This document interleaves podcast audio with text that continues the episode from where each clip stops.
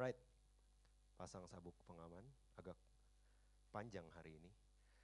So, uh, you've heard the saying, kita udah sering dengar peribahasa yang bilang, more money, more problem. Lebih banyak uang, lebih banyak masalah. More money equals to more problem, but some of us, we also know that no money also more problem. Malah lebih banyak problemnya kalau kita punya sedikit uang daripada punya banyak uang. I know, I know. Saya saya paham bahwa bahwa topik mengenai uang itu bukan sesuatu yang mungkin bisa relate emotionally. Jangan jangan jangan ganggu-ganggu lah how I I do my my money, how I spend my money. Jangan ganggu-ganggu uh, how should I spend. Jangan ganggu-ganggu apa nih mau minta uang atau apa. No no no. Biasanya ketika bicara bicara mengenai bagaimana kita mengelola uang dan harta dan lain sebagainya ini bukan sesuatu yang semenarik seperti forgiveness grace, uh, talents, uh, faith dan lain sebagainya. Uang ya tahu lah, pokoknya kita kerja dapat uang, ya kasih care funding, gak usah dikotbah-kotbahin terus. Sepertinya itu enough gitu. Tapi the, the, the deeper we dig, semakin uh, waktu saya me melihat ini, me me me mendalami mengenai uh, how we should handle our money, saya semakin sadar banyak kali kita terkekang, kita hidup nggak free karena kita menempatkan uang di posisi yang salah. Simpelnya kayak gitu. But we'll see ada empat hal uh, yang yang menentukan bagaimana kita melihat uang dan harta dan barang di dalam hidup kita. Untuk kita bisa punya mindset yang benar, setidaknya uh, ada ada ada these four things untuk kita bisa under, truly understand uang ini apa, seberapa matters, uh, kalau nggak punya gimana, kalau punya banyak gimana, nyimpennya gimana, jadi orang percaya artinya apa. Oke, okay? now how we see God. Pertama, cara kita mengelola uang, cara kita mengelola uh, kepemilikan, mengelola uang jajan, mengelola uh, gaji, itu sangat ditentukan dari bagaimana kita melihat Tuhan, bagaimana kita melihat diri sendiri, bagaimana kita melihat orang lain, dan bagaimana kita melihat barang-barang yang ada di sekitar kita. Pertama, bagaimana kita melihat Tuhan. Matius 19, ayat yang tidak pernah dikotbahkan di beberapa gereja tertentu. Because it's dangerous dan and sulit untuk dipahami. Ketika di Matius 19 ayat 17, saya baca dari ayat 17 sampai ayat yang ke-21 dibilang jawab Yesus ayat 16 ada seorang datang kepada Yesus dan berkata, Guru, perbuatan baik apakah yang harus kuperbuat untuk memperoleh hidup yang kekal? Jawab Yesus, apakah sebabnya engkau bertanya kepadaku tentang apa yang baik? Hanya satu yang baik, Allah. Tetapi jikalau engkau ingin masuk ke dalam hidup, turutilah segala perintah Allah. Kata orang itu kepadanya, perintah yang mana? Kata Yesus, jangan membunuh, jangan berzinah, jangan mencuri, jangan mengucapkan saksi dusta, hormatilah ayah ibumu dan kasihilah sesamamu manusia seperti dirimu sendiri kata that young man, young guy, this young successful guy bilang sama Yesus, semuanya itu telah kuturuti, apalagi yang masih kurang. Asik. Kata Yesus kepadanya, jikalau engkau hendak sempurna, pergilah, jualah segala milikmu dan berikanlah itu kepada orang miskin. Maka engkau akan beroleh harta di sorga, kemudian datanglah kemari dan ikutlah aku. Ayat 22, ketika orang muda itu mendengar perkataan itu, pergilah ia dengan sedih, sebab banyak hartanya. Oke? Kita sering dengar perkataan Yesus yang lain yang sering kita dengar berulang-ulang di khotbah dan lain sebagainya, jangan khawatir, kemudian kasihlah sesamamu seperti dirimu sendiri, uh, ampuni mereka, mengampuni tujuh puluh tujuh kali, tapi kita nggak uh, jarang dengar this particular verse ketika Yesus bilang, jika engkau hendak sempurna, pergilah, jualah segala milikmu dan berikan itu kepada orang-orang miskin. Terus kita langsung berpikir, oh berani juga khotbahin ini. Jadi habis ini mau jual terus mau pergi kasih merek ini. ya, maksudnya apa do, uh, dia khotbah kayak gini? Let's be realistic lah, some of us mulai berpikir, be realistic lah.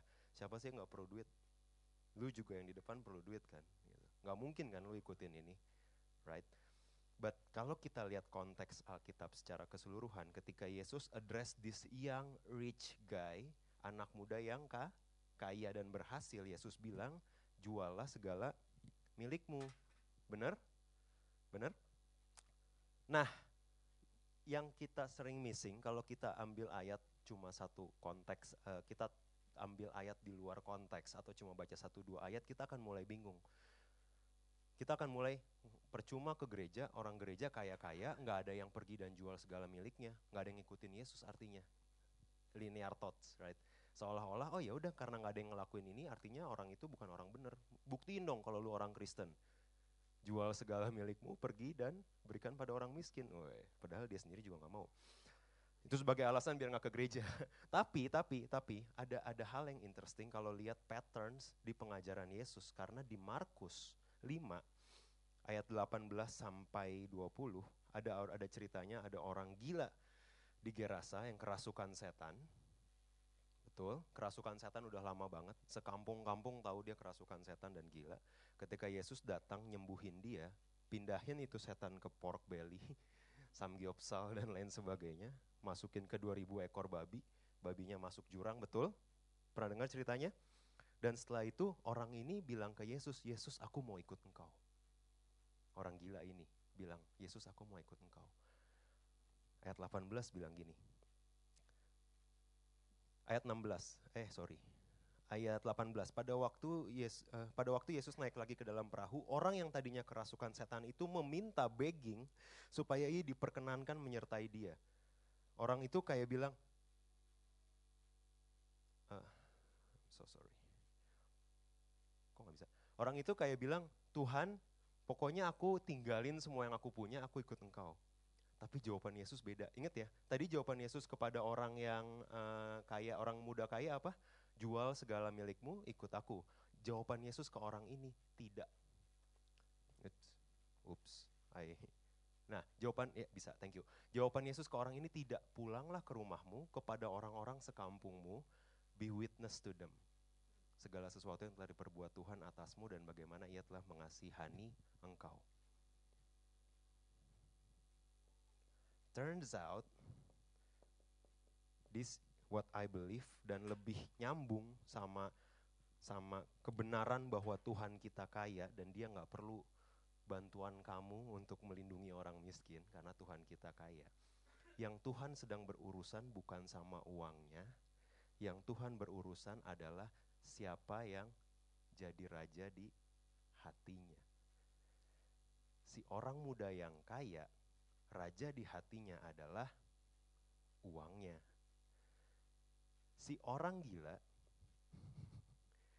yang puluhan tahun dia gila dan orang-orang taunya dia gila dan gak mau dengerin dia, dia punya a, a, a, a, a reputation to be maintained. Percuma gue pulang pun ke harta gue gak ada yang dengerin gue lagi karena gue gila. Lebih baik ikut Tuhan, lebih comfort ikut Tuhan buat dia daripada pulang. Nangkep? Karena raja di hatinya malu dong.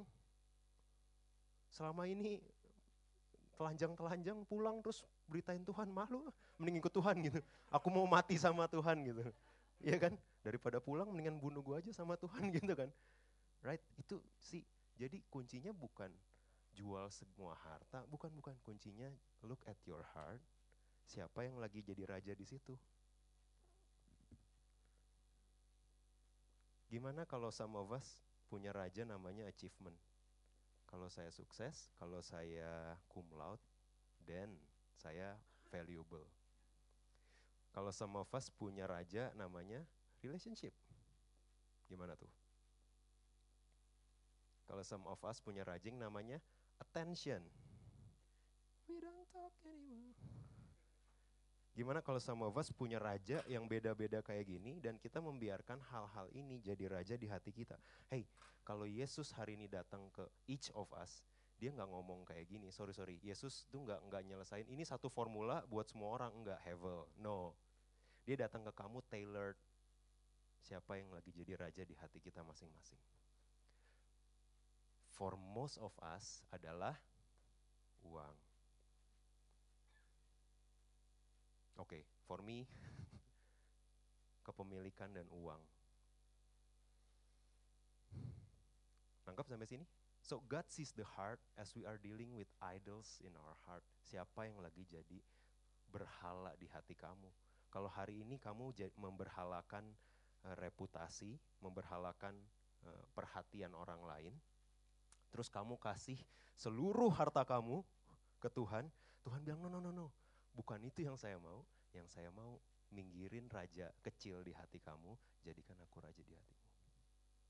Sampai sini oke? Okay? Jadi jangan lihat Alkitab tuh satu ayat dibawa terus oh ya jual dong. Orang Kristen kan, lu youth pastor kan, jual semua milikmu. no. Siapa yang lagi jadi raja di hati kita masing-masing? Itu yang Tuhan mau berurusan. This is how we see God. Karena Tuhan itu nggak berurusan sama Tuhan itu maha kaya, kayak dia kayak gini nih. Ini jalanan di surga terus dia gini, itu emas kan. itu langsung kaya yang miskin-miskin gitu. so he doesn't need your money, He wants your heart because he pursue relationship. Kalau kita isi selain Tuhan, ini yang jadi masalah. Karena kita makin terikat sama hal-hal di sini. How do I know? Ketika saya mengeksperimenkan hidup saya, I'm glad uh, uh, saya bisa share ini. Saya bereksperimen dengan hidup saya. Buat teman-teman yang mungkin notice, mungkin gak notice. Kalau notice saya ngeri sih. What, what are you doing every day? Jadi saya dari awal Oktober itu uh, delete my Instagram, cause I think itu nggak nggak terlalu menambah value di hidup saya. So I deleted my Instagram dan kemudian uh, saya mulai berpikir bahwa eh ini confession ya, my confession. Setiap saya selesai khotbah, sore-sore saya pasti ngecek Instagram. Karena saya lihat berapa orang berapa banyak orang yang terinspired ngetek saya ataupun tidak ngetek saya, ngepost muka saya dan tulisan-tulisan ini dan saya merasa oh I did a good job. Why, why do why why do I need that? I don't need that. Saya nggak perlu saya nggak perlu meresahkan sore saya dengan hal-hal yang kayak gitu. Bukan berarti saya kemudian uh, lebih holy nggak nggak banyak hal yang lebih valuable ngobrol sama orang lain, main Dynasty Warrior. There are a lot of things. The thing the thing is what brings value to your life. Kalau fun buat saya adalah main game, siapa kamu ngejat saya gitu. Kadang-kadang saya perlu capek tahu bikin khotbah sambil lihat Chelsea hampir kalah tuh stressful.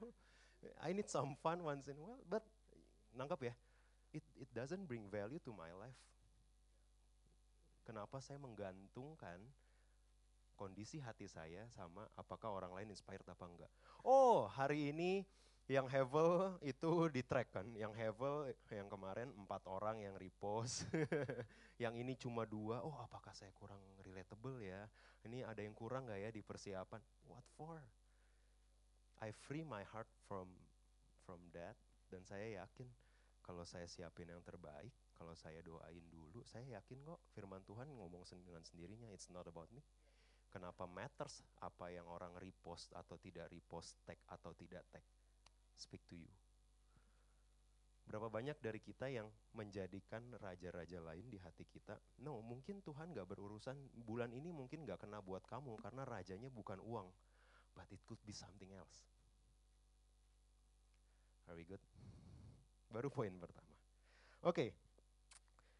kalau kalau uang, kalau if possession has become the comfort zone, the king, maka Yesus bilang jualah dan ikutlah aku. Ketika reputasi jadi king, maka Tuhan bilang, enggak, enggak, enggak, pulang ke orang sekampung, ceritain Yesus. Kamu perhatiin ya, empati sama orang gila ini. ya, ini pulang kan, ini udah pakai baju lu gitu. eh, eh, sorry, sorry, bentar, bentar. Tahu Yesus gak? Hah? Lu ngajar-ngajarin gue soal Yesus, lu gila gitu kan. Lu paling lihat babi dikira lihat Yesus kali, lu gila gitu kan. Tahu seberapa hard this person untuk bantai gengsinya, bahwa dia orang gila dan bilang, eh enggak, enggak, enggak, enggak. Yesus adalah jawaban. It's hard. Tapi Yesus berurusan sama raja-raja di hati orang-orang ini. Jadi the, question for us when we when we talk about money and we talk about how God sees us adalah waktu Tuhan ngelihat hati kita masing-masing, siapa yang hari ini jadi king of your heart? Itu yang Tuhan mau berurusan. Are we good?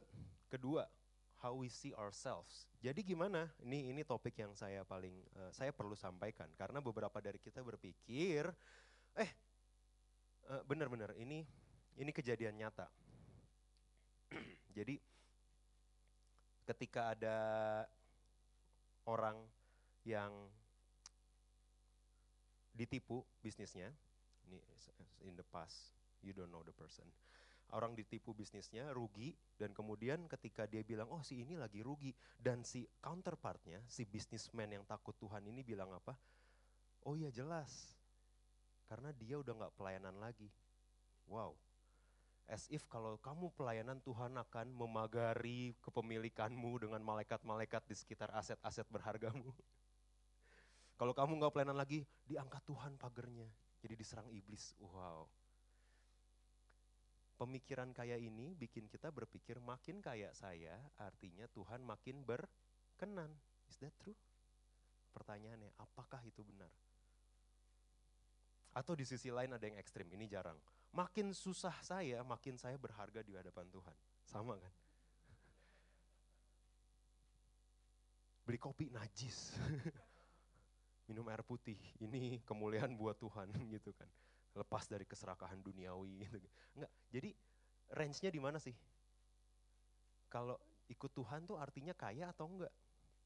Ada ada kata-kata yang bahkan bisa sampai bilang, oh kalau ikut Tuhan enggak enggak berarti sukses dan kaya dan lain sebagainya. Kalau gitu ngapain ikut Tuhan? Wow, hey, hey, you, you might come to the wrong place. Kalau kamu yang kamu cari kaya, it is better untuk freelance di hari Minggu.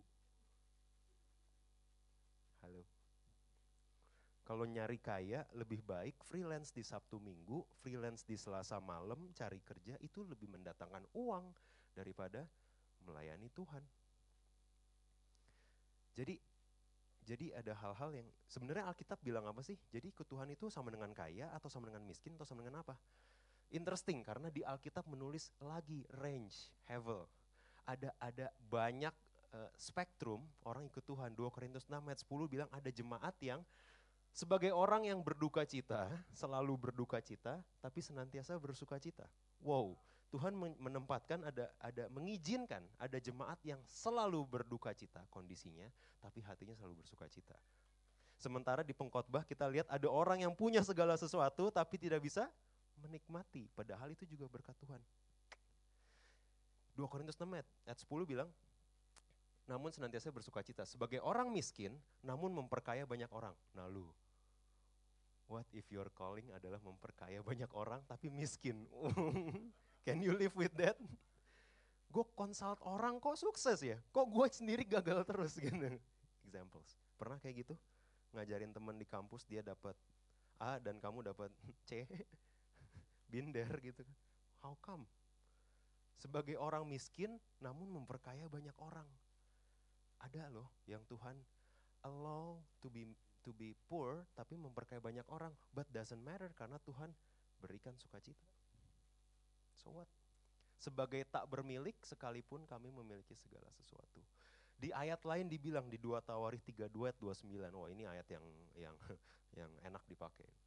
Ia mendirikan kota-kota memperoleh banyak kambing domba Hizkia dan lembu sapi karena Allah mengaruniakan dia harta milik yang amat besar katakan amin. Gitu kan. Barang siapa yang mau seperti Hizkia, ada urapan Hizkia hari ini ya. Karena Allah mengaruniakan dia harta milik yang amat besar. What we want to see, what we need to see clearly here, Tuhan mengizinkan beberapa miskin tapi bersuka cita dan memperkaya orang. Tuhan mengizinkan yang lain harta milik yang besar itu suka-sukanya Tuhan gak sih?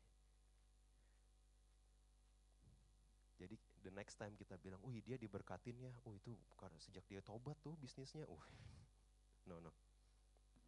So what kalau habis tobat makin sedikit bisnisnya, tapi suka cita.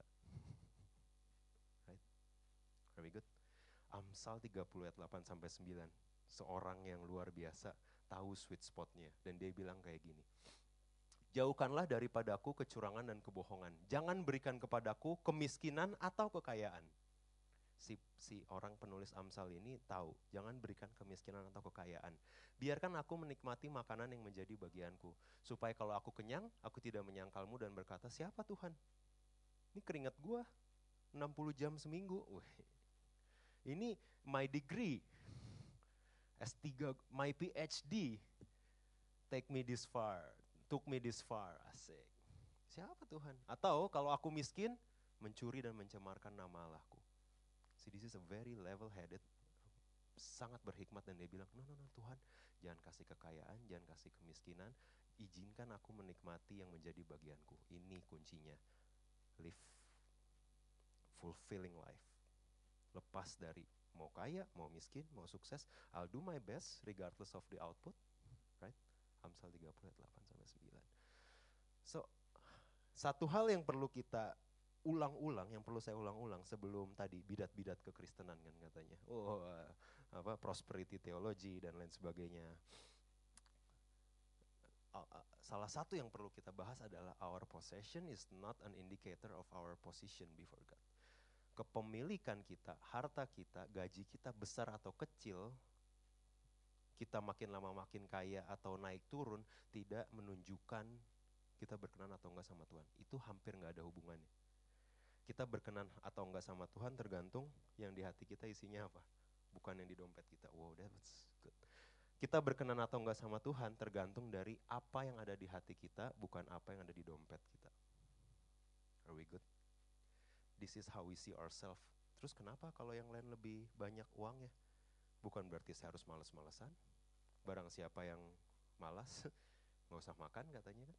Siapa yang melipat tangan sebentar, tertidur sebentar, kemiskinan datang kayak tentara katanya. So, iya yeah, iya, yeah.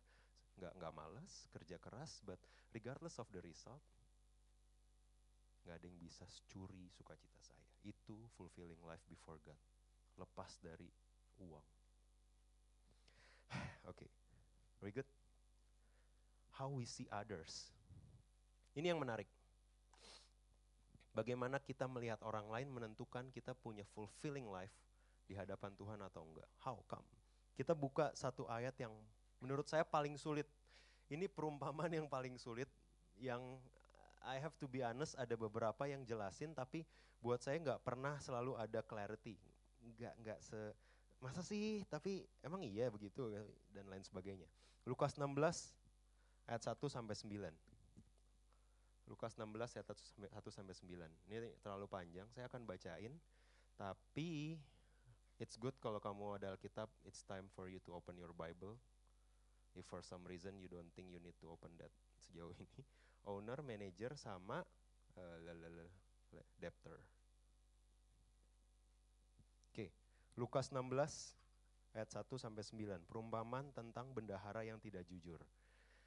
Isn't this the kalau yang udah sekolah minggu dari kecil ini lumayan sulit. I I I feel like this is a a, a hard perumpamaan yang sulit untuk dipahami gitu. Kok nggak jujur tapi dipuji sama tuannya? Maksudnya apa? Jadi harus kita nggak jujur kalau uang atau gimana? Oke, okay, let's see. Dan Yesus berkata kepada murid-muridnya, ada seorang kaya, owner, yang punya seorang bendahara, manager. Kepadanya disampaikan tuduhan bahwa bendahara itu menghamburkan miliknya Lalu ia memanggil bendahara itu dan berkata kepadanya, Apakah yang kudengar tentang engkau? Berilah pertanggung jawab atas urusanmu sebab engkau tidak boleh lagi bekerja sebagai bendahara. Kata bendahara itu dalam hatinya, Apakah yang harus aku perbuat? Tuanku memecat aku dari jabatanku sebagai bendahara. Mencangkul aku tidak dapat, mengemis aku malu. Asik kayak lagu ya. Mencangkul aku tidak dapat, mengemis aku malu. Aku tahu apa yang akan aku perbuat, supaya apabila aku dipecat dari jabatanku sebagai bendahara, ada orang yang akan menampung aku di rumah mereka. It's a very important verse, right in the heart of this passage. Lalu ia memanggil seorang demi seorang yang berhutang kepada tuannya. Katanya kepada yang pertama, berapakah hutangmu kepada tuanku? Jawab orang itu, seratus tempayan minyak. Seratus. Hutangmu berapa? Seratus. Jadi di si peminjam uang ini dia perlu bayar 100 tapi dia nggak punya uang. That's my assumption bahwa dia nggak bisa bayar tapi dia punya utang 100. Sehingga si tuan ini belum dapat apa-apa. Right? Karena si debtor nggak punya uang. Bear with me, uh, ini asumsi saya. Yang ini asumsi saya. Saya asumsi karena si bendahara ini kerja sama tuannya, pasti dia dapat sedikit bagian dari yang 100. Kalau enggak, dia kan nggak charity kan, pasti dia kerja kan, pasti dapat sebagian dong komisi, udah nagihin utang. Ini asumsi saya, karena dia kerja untuk si tuan. Anggaplah dia dapat harusnya berapa sih? 5% lah, 5 dari 100 yang harus dibayar si peminjam, harusnya si bendahara dapat sekitar 5 sehingga tuannya harusnya dapat berapa? 95. Ini contoh ya. Oke, okay, are we good? Bener kan? Oke, okay. lanjut. 100 tempayan minyak. Lalu katanya kepada orang itu, inilah surat hutangmu, duduklah dan buat surat hutang lain sekarang juga. 50 tempayan. Kemudian ia berkata kepada yang kedua, berapakah hutangmu? Jawab orang itu, 100 pikul gandum. Katanya kepada orang itu, inilah surat hutangmu, buat yang lain 80 pikul. Dari 100 pikul jadi 80 pikul gandum. Lalu tuan itu, nah ini ayat 8. Lalu tuan itu memuji si owner, memuji manajer itu, karena ia telah bertindak dengan cerdik. Sebab anak-anak dunia ini lebih cerdik terhadap sesamanya daripada anak-anak terang. Interesting. Dan aku berkata kepadamu, ikatlah persahabatan dengan mempergunakan mamon yang tidak jujur, supaya jika mamon itu tidak dapat menolong lagi, kamu diterima dalam kemah abadi. What does that mean? It's a very difficult passage buat saya ya. Saya nggak ngerti-ngerti sih dari kecil. Uh, saya dengar banyak khotbah di YouTube dan lain sebagainya, tetap nggak dapat. Nih maksudnya apa sih? Dan dengan asumsi ini, saya memahami sedikit lebih baik. Bear with me. Oke, tadi dia bilang yang 100 pikul gandum jadi berapa? 80 yang 100 gandum. Jadi 80 kan, kita ambil contoh yang gandum ya. Yang jadi 80 benar? Si debtor, si peminjam, yang tadinya dia berhutang 100, dia jadi harusnya bayar cuma berapa? 80. Betul? Si pemilik yang harusnya dapat 100, jadi dapat berapa? 80, benar kan? Ini kayak penghapusan hutang gitu loh. Ya udah nggak usah bayar semua daripada nggak bayar sama sekali 80 juga oke. Okay. pernah dengar punya utang sejuta ya udah udah udah capek gue ngejarin lu 800 ribu pun oke. Okay. berapa yang lu punya kasih gue lah. Pernah dengar si manajer dapat berapa? Karena dia udah ngekat gini? Nol. Nah pertanyaan saya dengan skema ini siapa yang rugi Si yang minjam tadinya harus bayar 100 jadi bayar 80. Untung atau rugi? Untung. Si owner tadinya harusnya nggak dapat apa-apa, jadi dapat 80. Rugi atau untung? Untung. Si bendahara yang tadinya bekerja jadi dipecat dan nggak dapat komisi, rugi atau untung? Rugi.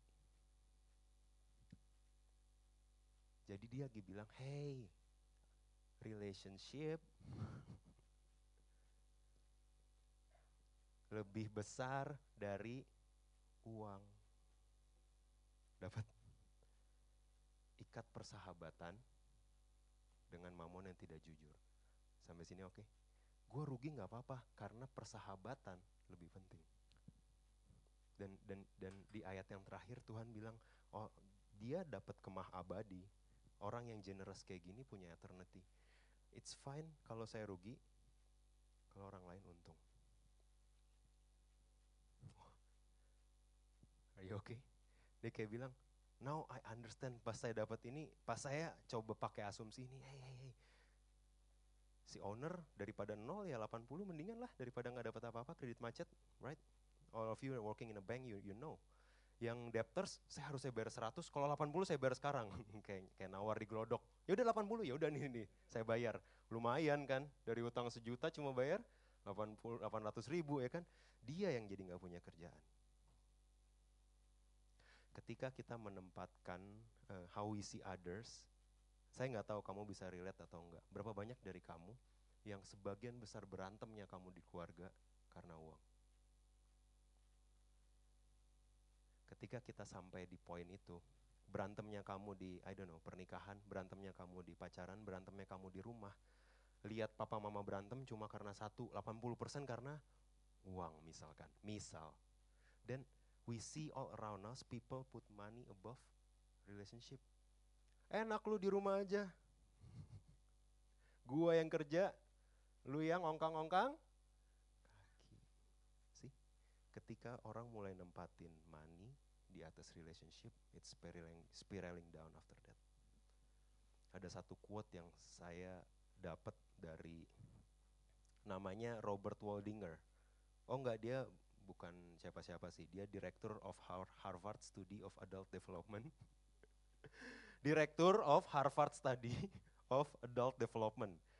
After 75 years of research, riset yang turun temurun 75 tahun, satu hal yang dia bilang kayak gini, the clearest message that we get from this 75 year study is this, good relationship keep us happier and healthier, period. Berapa banyak yang sacrifice relationship buat ngejar lebih banyak uang? Berapa banyak yang sacrifice a lot of quality time with people that matters to you, including me, just because, eh saya sibuk.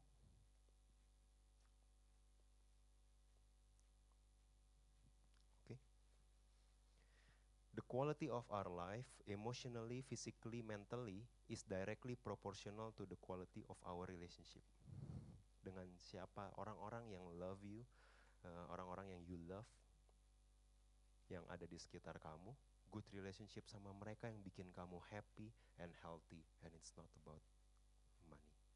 Itu kata studinya si Harvard director ini. Saya nggak tahu dia kredibel atau enggak. I mean dia cuma Harvard director. But this is what he say after study, oh in, interesting. Karena kalau karena mungkin dia nggak perlu 75 tahun study kalau dia baca Alkitab. karena Alkitab udah bilang ikatan persahabatan dengan mamon kan, karena persahabatan itu yang utama.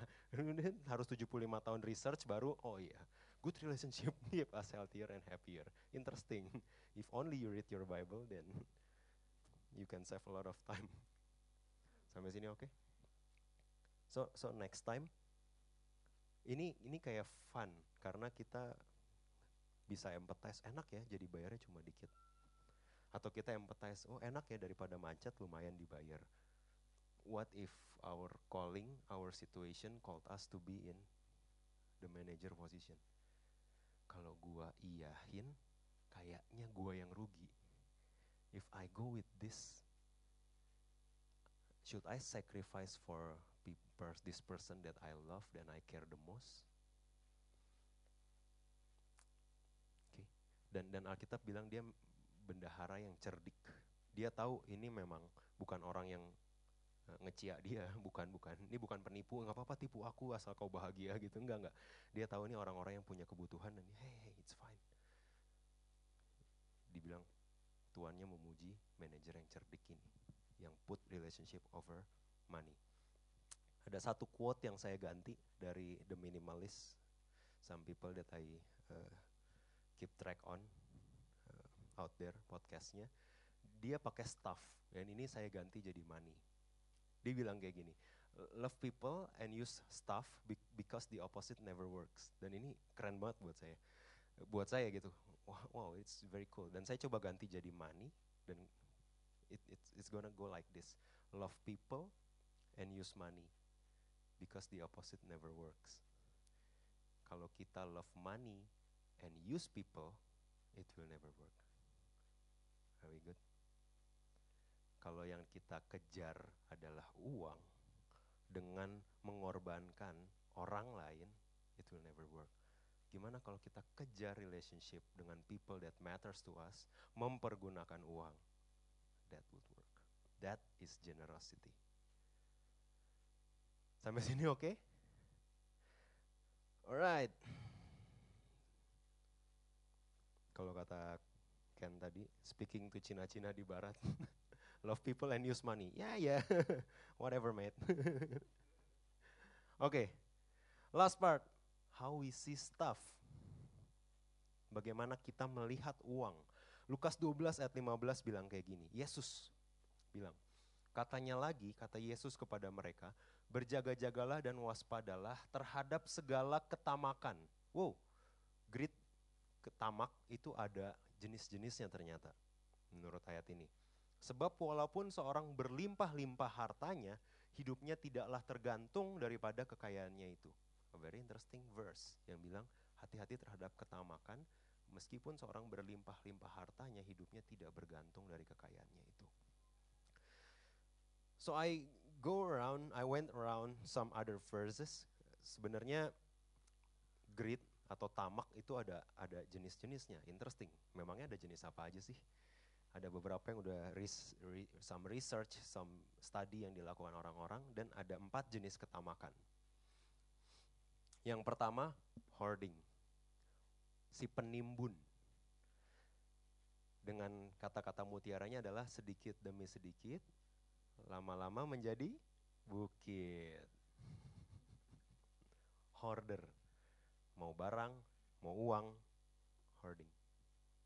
Si orang yang menimbun ini, ini don't don't make mistake. I do identify myself. I can relate well with most of the example here. Waktu bilang hoarding, ini orang-orang ini willingness to trust money or stuff more than God. Dia lebih percaya uang atau barang daripada Tuhan. Iya ya, pelayanan-pelayanan, iya ya, ikut Tuhan, iya ya, percaya Tuhan. Ikut Tuhan bisa kasih lo makan. Ikut Tuhan bisa bayar listrik lo yang naik lagi. Bisa bayar NJOP lo yang naik 100% tahun ini. Willingness to trust money more than God. Ini ciri-ciri orang yang sedikit demi sedikit lama-lama menjadi bukit. Karena hemat pangkal, kaya.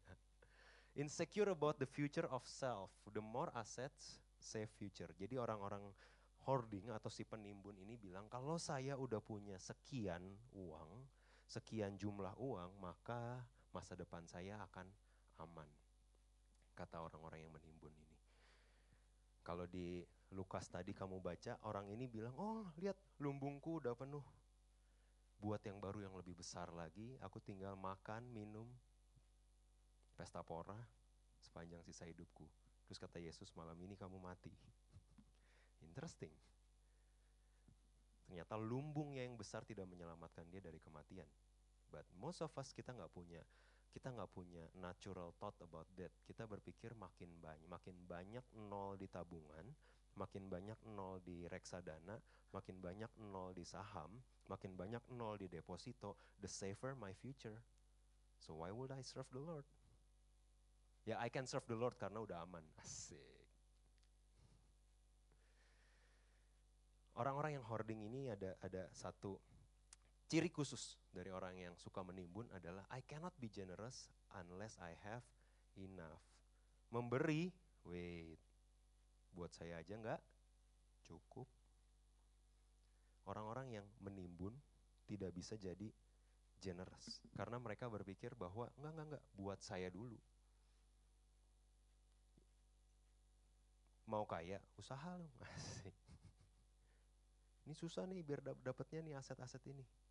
Dia nggak bisa generous kecuali dia berpikir bahwa dia punya cukup masalahnya dia nggak pernah berkata cukup hoarder, si penimbun. Kedua, si overspend, amin. Entah kenapa kalau waktu saya awal kerja, I have to tell you, kayak gaji 4 juta tuh cukup gitu, pas habis. Guess what?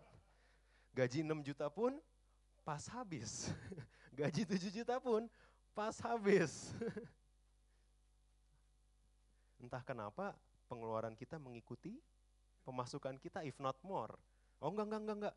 Biarpun 4 juta, kalau ada dua kartu kredit jadi 6 juta, betul? Ting, ting, ting, ting, magic. Ketawa karena relate. Overspend. Confuse needs with wants. I, I, I, I, I'm dealing with this myself. Ketika saya berpikir, saya ber, ber, ber, ber, berpikir ini ini sesuatu yang saya dengar, saya nggak akan ya oke. Okay. Just so you know, ada culture di hidup saya yang yang yang yang simple gini. Satu tas terakhir ini and my life will be complete. Cuma satu tas ini udah nggak perlu lagi yang lain. I don't know. Some of you can relate, some of you cannot, but this I can relate.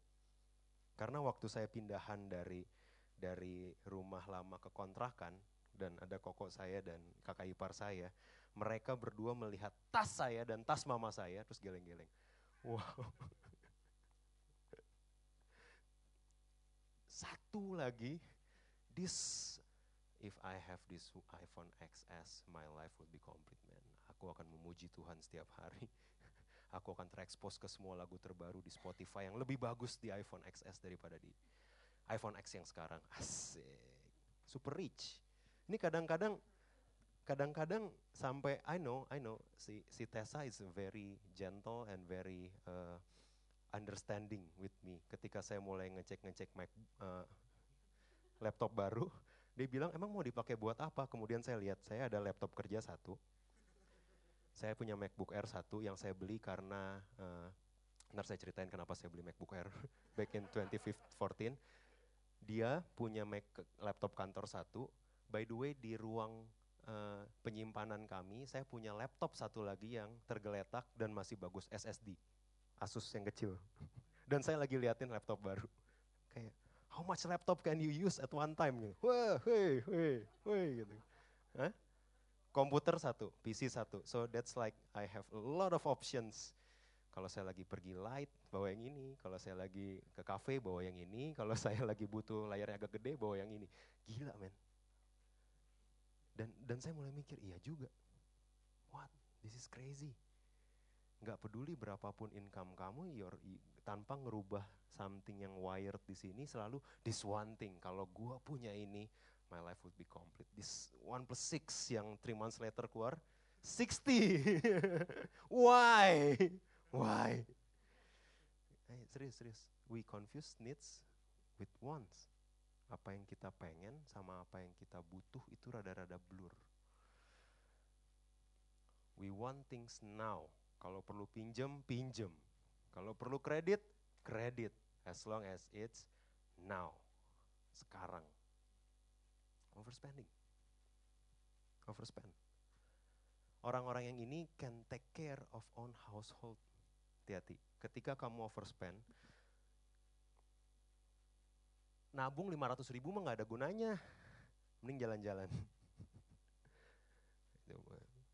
Saya terlalu sedikit, 500 ribu mah di, di, di, dipotong admin buat masuk masuk reksadana 2 persen, ya kan? Udah masuk potong ini, potong itu lagi, potong lagi, udah daripada ditabung mending dinikmatin. Enjoy your life kata Tuhan. overspend. Nah, bahayanya orang-orang yang overspend adalah cannot take care of own household. I have difficulties in budgeting. I have difficulties in uh, saving. Aman kalau auto debit, ya kan? Pokoknya gaji masuk, besoknya auto debit buat tabungan. Iya itu aman, tapi yang selain itu gimana? Orang-orang yang overspend nggak bisa take care of own household. And it is, this is dangerous karena di usia-usia kamu, most of you, you will get your first salary dan bilang, eh, true, this is true story. Kamu tahu gaji pertama saya saya pakai buat apa? Buat kemuliaan Tuhan. Oh enggak, enggak, enggak. Bose Bluetooth speaker. Gila men. Itu itu gaji pertama di 2009 yang lumayan besar jumlahnya dan saya pakai kayak 70% dari itu buat beli satu Bluetooth speaker yang sampai hari ini itu 2009 ya. Berapa tahun yang lalu? 9 tahun yang lalu.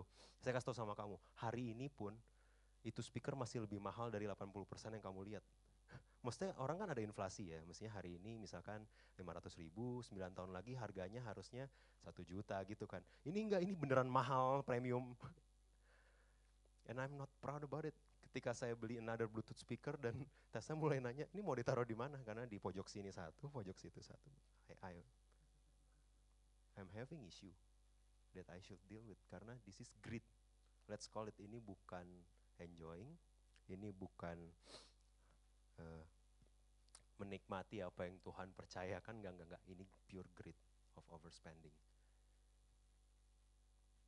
I, I uh, waktu dulu si Chen Chen share ini di 2009 something similar to this, kita punya isu yang sama, gadget. But some of you ngetawain saya, but then look at your sneakers collection. look at your bag collection. Oh ini buat pesta, ini buat ke kantor.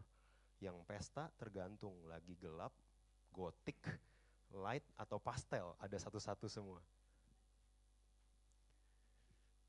Yang yang jadi masalah adalah those things chip away something from our heart, little by little. We go to this letter, overspending. Itu lama karena saya relate banget. Comparison, grid yang tipe ketiga. Tadi ke satu apa? Hoarding. Kedua, overspending. Ketiga, comparing. It's buat saya hidup sukses adalah curated Instagram live. Kalau setiap foto adalah OOTD, setiap foto adalah Santorini, setiap foto adalah a new town yang orang-orang belum pernah pergi, that means a fulfilling life. Punya fulfilling life kalau, eh lu ke rumah gua, lu foto mana pun itu kayak curated Instagram, wah gila. Sneakers collectionnya bagus-bagus, bersih-bersih, bajunya bagus-bagus, di foto ya kan di pojok sini ada kumpulan gadget gitu kan. Dari MacBook Pro, MacBook amatir, MacBook semua ada MacBook gitu kan. It's curated life, comparing. Nah, bahayanya adalah comparing ini yang saya dapati di diri saya. Remember, I I'm able to tell you this karena saya udah experiment with my life.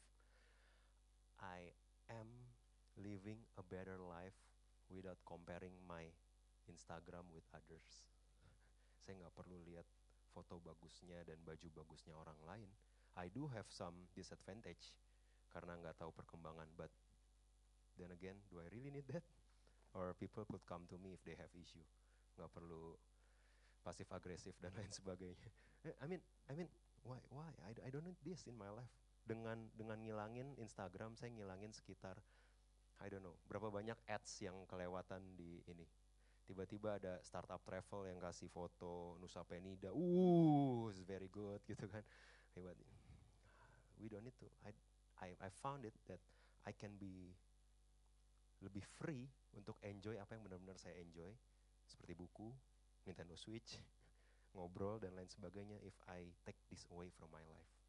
I do mungkin saya akan pakai karena kebutuhan project dan bisnis untuk Instagram, but saya mulai mulai ngilangin itu. Jadi kalau nyarinya di HP saya mulai rada susah. Remember, kalaupun saya pakai kemarin, saya ilangin dari semua shortcut. It's a hassle buat nyari itu uh, apps di handphone saya. And I I think dengan saya simple tweak kayak Instagramnya saya ilangin, saya masukin aplikasi lain kayak Amazon Kindle, Bible, and Evernote, eh my life is better now. Saya baca konten-konten, saya lihat konten-konten yang lebih meaningful buat saya daripada comparing my sneakers with other people's. Comparison. Under the illusion of contentment just on the next level. Kalau saya udah bisa kayak si A, yang followersnya sekian, yang curated Instagramnya kayak gini, dan I have fulfillment in life. Until you get there and you say, wait, There's someone yang more popular. Kalau saya ada di situ, oke okay, switch, switch. Kalau bisnis saya punya satu tempat baru dan punya sekian income, I'm content with my life.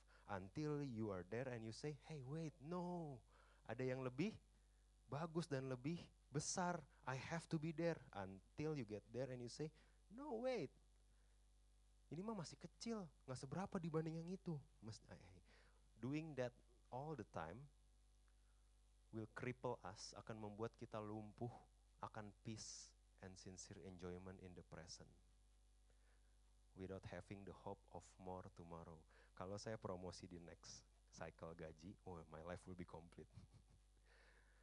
Then when you get there, no no no no. Ternyata ada yang lebih tinggi. No no. Itu yang saya pengen. Kita nggak pernah sincere enjoy apa yang kita punya di present. Kita nggak punya peace karena selalu ada something yang I want to achieve rather than enjoying today. Menikmati apa yang Tuhan berikan hari ini. Filipi 4 ayat 11. Filipi 4 ayat 11.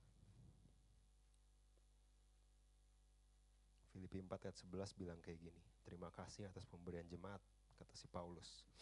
Kukatakan ini bukanlah karena kekurangan sebab aku telah belajar mencukupkan diri dalam segala keadaan. Ini Paulus sampai di di tingkatan di mana bilang no no I don't have to compare myself my ministry with other ministry, my business with other business, my achievement with other achievement, my followers with other followers, my apartment with others apartment, my cars with other cars, my MacBook with others MacBook. I have contentment comparison. Bisa nggak kita bilang, no, no, cukup, cukup. Nah, ketamakan yang keempat ini yang interesting. Karena grit itu bukan cuma punya orang kaya. Ada yang udah susah, serakah pula. Betul? Betul? Karena yang tadi itu kayak ngumpulin uang, ngumpulin harta, comparing ourselves with others dan lain sebagainya, tapi ada ada ada tipe greed, ada tipe ketamakan lain yang ini namanya entitlement. Somebody is always owe me something. Ya Tuhan kan udah berkatin lu. Lu kan tahu gue susah. Masa sedikit aja nggak ngasih sih? I'm entitled. Katanya anak Tuhan. Tahu gue susah. Ditanya doang apa kabar. Gak pernah care funding buat gue. Community apaan gue gitu. Somebody is uh, always owe me something. Ya berhak dong, gue udah berapa lama di sini. Mana attention yang dikasih sama orang-orang yang ada di sini? Mana terima kasih? Gak pernah di post muka gue, padahal gue udah enam tahun pelayanan di sini. Asik. Somebody is always owe me something. Remember, bentuknya ketamakan itu bisa uang, bisa yang lain. Self check. Value and justice as mask for lack of motivation, discipline and laziness. Enggak, enggak. Enggak punya motivasi, enggak punya disiplin dan males, tapi kayaknya katanya orang Kristen, right? Kalau nggak nyalahin pemerintah, nyalahin sistem pendidikan, nyalahin orang tua, nyalahin gereja, itu tapi nggak pernah salah dia. Nggak pernah. Selalu salah someone else. I'm entitled to get what I want. Saya berhak dong dapat ini.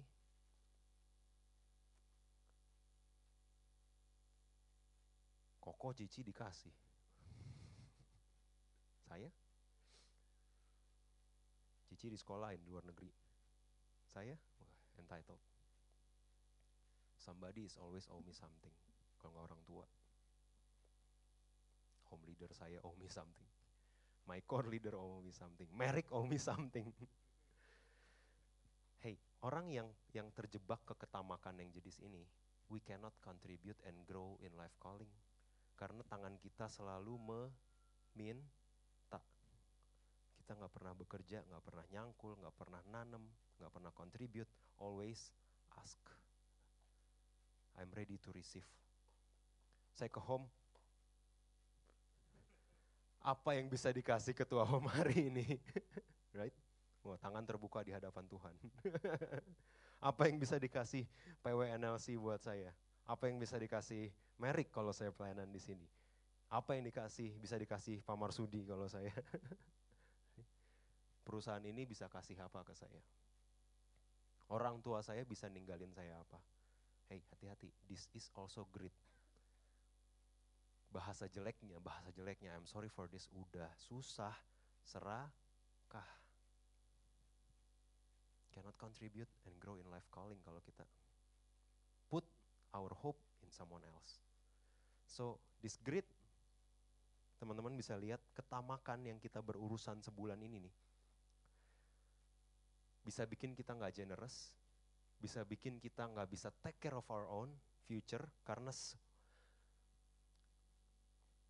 for example health insurance saja nggak ada, for example tabungan kalau misalkan ada apa-apa nggak ada sama sekali, nggak bisa nabung sama sekali, atau bikin kita nggak punya damai, tabungannya banyak, oh ya tabungannya banyak, generous ya generous tapi nggak punya damai karena selalu comparing sama someone else. Atau the last can contribute and grow. Jadi ini toh maksudnya Amsal bilang dunia orang yang pelit makin lama makin kecil. Dunia orang yang generous semakin besar karena orang yang pelit yang minta-minta doang nggak bisa generous, nggak bisa take care of his own house, nggak bisa punya damai dan nggak bisa contribute and grow. Do be very careful here. Let, let's uh, X-ray masing-masing kita sendiri. I, I told you where I am in this. I'm where I'm fighting. Where are you? Apakah hari ini kamu hidup dengan grit dan what can you give me? I deserve this, I deserve that, I want to be that, I, I, I will be happy. Saya akan suka cita dan bahagia kalau saya udah segitu. Kalau tabungan saya, kalau apartemen saya, kalau mobil saya, kalau MacBook saya, kalau tas saya. Grit. That's interesting. Ini saya balik ke kenapa, how perjanjian lama dan perjanjian baru collides di, di ayat-ayat ini. Di Amsal 4 ayat 23 bilang, jaga hatimu dengan segala kewaspadaan. Karena dari situlah terpancar kehidupan. Kehidupanmu bagus atau enggak, berkualitas atau enggak, fulfilling atau enggak, tergantung dari hati. But then di Lukas 12 ayat 34 bilang, karena di mana hartamu berada, di situ hatimu. Are we good? Makin banyak tas dan MacBook dan laptop yang saya punya, ya hati saya ada di situ. Gimana saya bisa jagain kalau saya sekarang, hah wait, harta saya di rumah gimana, right? Gimana saya bisa jagain harta saya lagi di ngengatin di rumah, terus saya kepikiran gitu kan.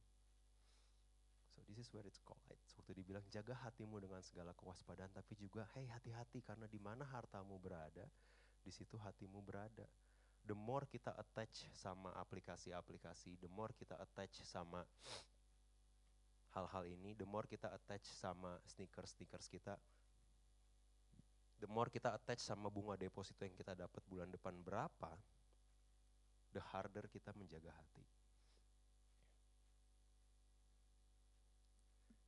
Oke, okay, very good. Saya akan saya saya tutup dengan dua ayat ini. Jadi hari ini if you uh, cukup simple. Tapi ini something yang as, seperti yang kamu dengar, sesuatu yang uh, saya perlu berurusan. If if if nothing, saya harap hal-hal di sini bikin kamu aware siapa sih yang lagi jadi raja di hati kamu yang Tuhan mau berurusan. Kamu bisa aja serakah bukan uang, kamu serakah penerimaan dan reputasi orang lain di hadapan orang lain. Kamu bisa aja serakah akan achievement, Tahu dari mana serakah akan achievement? Kalau orang lain take credit atas kerjaan kamu. Marah. Gua yang ngerjain. Dia yang dipromot. Oh iya, because the king of your heart adalah achievement. Karena kalau kalau kalau saya bukan, saya bukan. Sorry sorry, king of my heart bukan achievement. MacBook.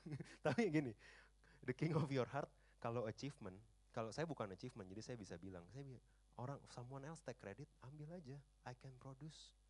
My God is a creator. I can be a creative person. Makin banyak kamu ambil apa yang saya bikin, it doesn't matter karena saya bisa keep producing. Because my king is not achievement. Ya kita nggak bahas lah apa, tapi it's not achievement gitu kan. Ada yang kingnya relationship. Ada yang kingnya attention. Kalau nggak diperhatiin dan lain sebagainya. Dianggap aku apa? Asik. Kalau nggak diajak ngobrol atau diajak makan. Dua tahun saya ke NLC nggak ada yang ngajak makan pulang. Komunitas macam apa ini? Baru 50 orang udah nggak ngajak ngobrol. Attention. So I stop there and I hope ini jadi uh, X-ray buat each of us. X-ray ini nggak bicara your your struggle might be different from mine. Saya undang tim PW. Uh, eh, peperangan kamu mungkin peperangan yang berbeda sama saya. Kondisi kamu mungkin kondisi yang berbeda sama saya. Tapi hari ini kita belajar gimana caranya sih supaya hidup kita semakin besar. Spiraling up, semakin influencing banyak orang dan bukan semakin kecil kayak kata Amsal. Lihat apa yang nempel-nempel di hati kita hari ini. Some of us mungkin itu harta, maybe this is a good time untuk bilang, no, no, no, you are not the king of my heart. Jesus is the king of my heart. Kalau Tuhan mau saya melalui masa-masa pemasukan kurang, so what? Kalau Tuhan mau saya memasuki masa-masa nggak di nggak ada achievement, so what? Kalau Tuhan mau saya memasuki masa-masa difitnah orang, so what? Karena raja di hati saya adalah Tuhan dan bukan hal-hal ini. Are we good? Mari kita bangkit berdiri. Kita akan tutup ibadah hari ini